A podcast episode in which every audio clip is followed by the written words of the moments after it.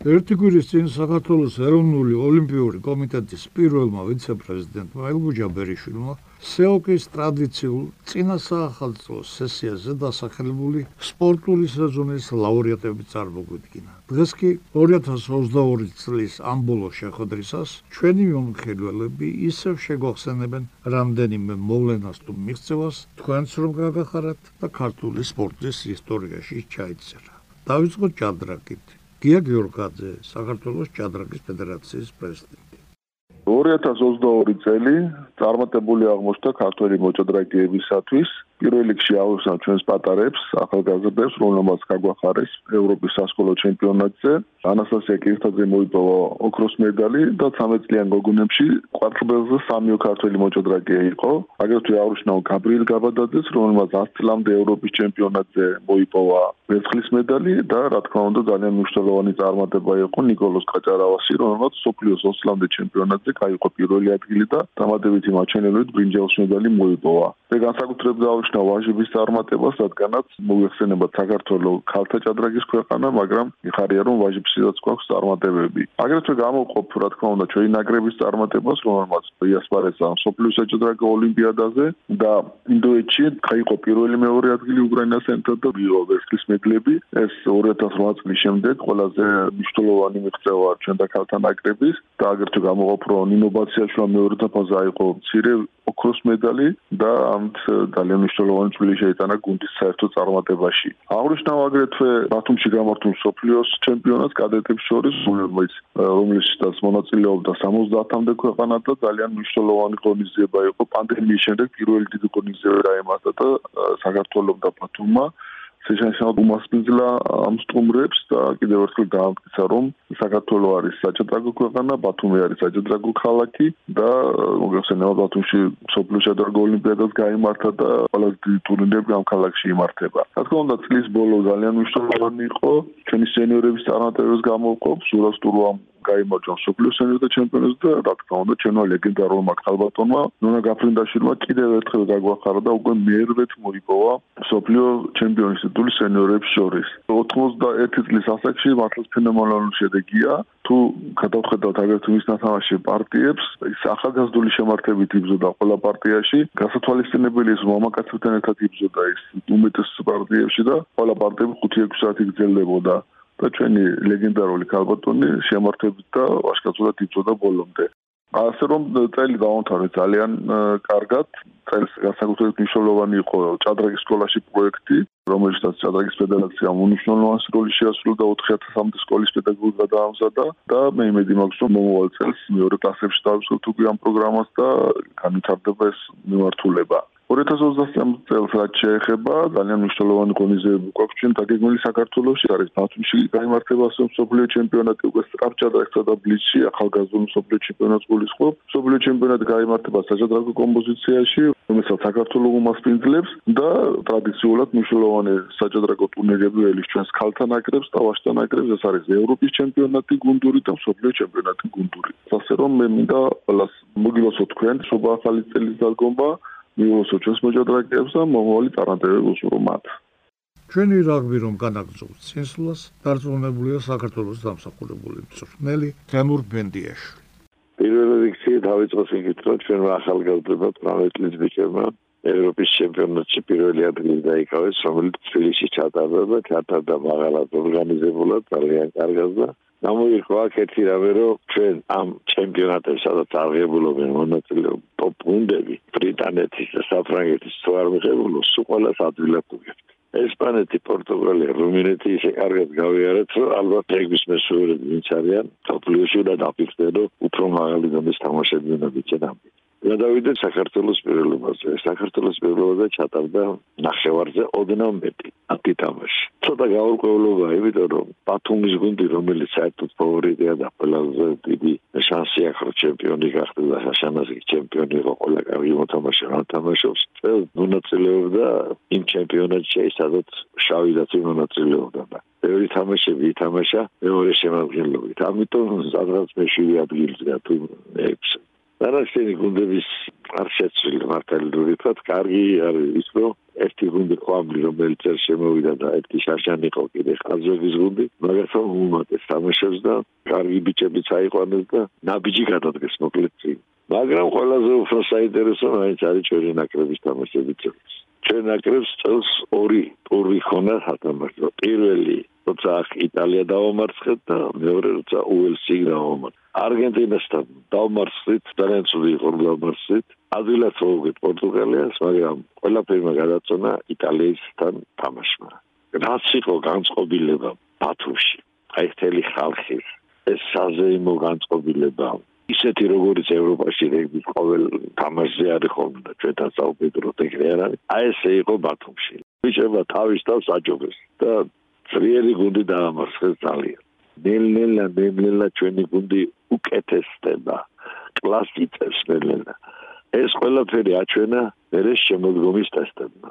თელესოფლიო არეზე ვარ თალიზო ვიცხოთ უელში არ მარცხდება უელსის გუნდი თავის მოედანზე ესე ნუ შეიძლება დავარცხდეთ ზელანდიასთან ეგეთი გუნდებთან. იყო ძალიან კარგი თამაში თავარი ახასიათის თამაში იყო სადაც ქართულმა ბიჭებმა აჩვენეს რომ ნამდვილად თითოეული არის პიროვნება ძალიან გამიხარდა როცა უყურებდი და ბიჭებს და ვიცოდი აბა შესაძლებლობა და აი თავის შესაძლებლობის მაქსიმუმს დებდნენ თამაშზე.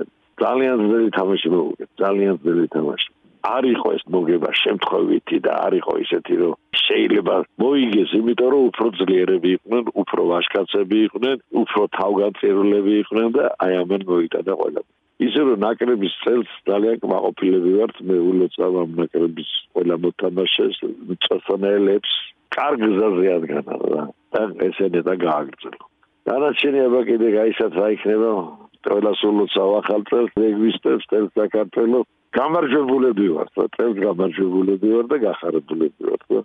ასე იყოს, პროვალშობა ახალწელს და ეს არის. სპორტული ჟურნალისტი ძიუდო საერთაშორისო ფედერაციის კომენტატორი გიორგი ჩანიშვილი. მოგესალმებით, სურს სპორტის ყველა მხარდამჭერს, მიულოცო დამდეგი ახალი წელი, შობის წინვარად დასასწაული და ყოველივე საუკეთესო უსურო 2023 წელს.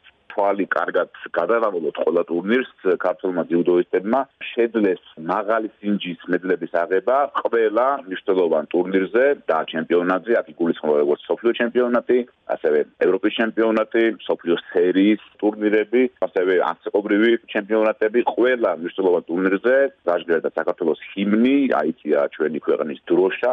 ჩვენ თუ შევხედავთ მედლების რაოდენობას წელს რა თავიეთ ჩვენ სოფლიო სერიის ტურნირებზე აქ სამეულში გახლავთ საქართველოს იაპონიასთან და საფრანგეთთან ერთად, ასე რომ ძიუდოს მონსტერ ქვეყნებთან ჭიდილში საქართველოს ნამდვილად პრესტიჟულ ადგილს იკავებს და ბრძოლაში არ ჩამოუვარდება აი ამ ორ ქვეყანას. რაც შეეხება ინდივიდუალურ მიღწევებს ამ ხრივ, რა თქმა უნდა, ტატო გრიგალაშვილი არის გამორჩეული წელს, ну მართლაც ამ 23 წლის ბიჭს ჰქონდა ფენომენალური შეიძლება ითქვას სეზონი, ტატო ასპარეზობს 91 კილოგრამ წონით კატეგორიაში მოგესაძებად და წელს ტატო გრიგოლაშვილმა ყველა ტურნირის მოგება შეძლო.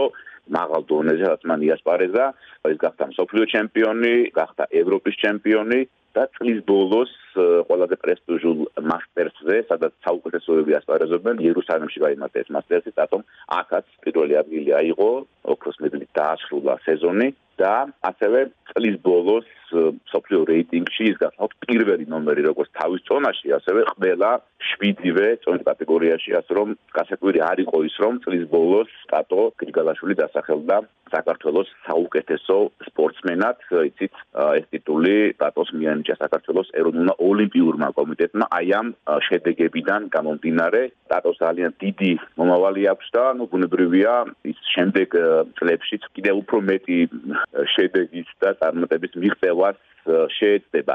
ნუ რატომ სოფლიო რეიტინგი ვახსენეთ, მოდი ხაზი გაუსვათ იმას, რომ ერთდროულად სამი ქართველი ძიუდოისტი არის რეიტინგის პირველი ნომერი თავის ზონაში, ანუ ვარსთა შორის არის საუბარი, იცით, 7 წონის კატეგორია არის ძიუდოში და აქედან 3 წონაში პირველ ადგილზე არიან ქართველები 73 კილოგრამში ეს გაფალთ ლაშა შავდათუაშვილი 91 კილოგრამში ტატო გრიგალაშვილი და 100 კილოგრამში ილია სულამანიძე რომელმაც წინვალეთ დახურა სეზონი და ტატოსთან ერთად ასევე ილიას გახდა იერუსალიმის მასტერსის გამარჯვებული. აი ეს მასტერსი გახდა წლის ბოლო ტურნირი რომელიც იერუსალიმში გამართა დეკემბრის ბოლოს და ნუ სამი ქართველი რეიტინგის სათავეში ჩავდოთუაშვილი, გრიგალაშვილი და სულამანიძე, ესეც კიდევ ერთი მიღწევა ჩვენი სპორტსმენების.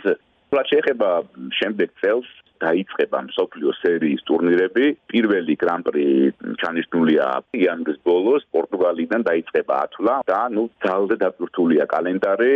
შემდეგ წელს სტარტდება როგორც მსოფლიო სერიის ტურნირები, ანუ ეს არის გრან-პრი, გრან-სლემი, მასტერსი, ასევე ჩანიშნულია მსოფლიო ჩემპიონატი მაისის თვეში ყატარში, დოჰაში გამართება სოფლიო ჩემპიონატი, ევროპის ჩემპიონატებიც ჩატარდება, ასაკობრივი ტურნირები და ასევე ხაზი გაუსვათ იმას, რომ შემდეგი წლიდან უკვე პორტუგალიის დიდი პრიზიდან უკვე იწყება პარიზი 2024-ის ოლიმპიური თამაშებისთვის სალიცენზიო ქულების მოპოვება, ასე რომ თითოეულ ტურნირს ეკნება ძალიან დიდი მნიშვნელობა ქართული სპორტსმენებისთვის.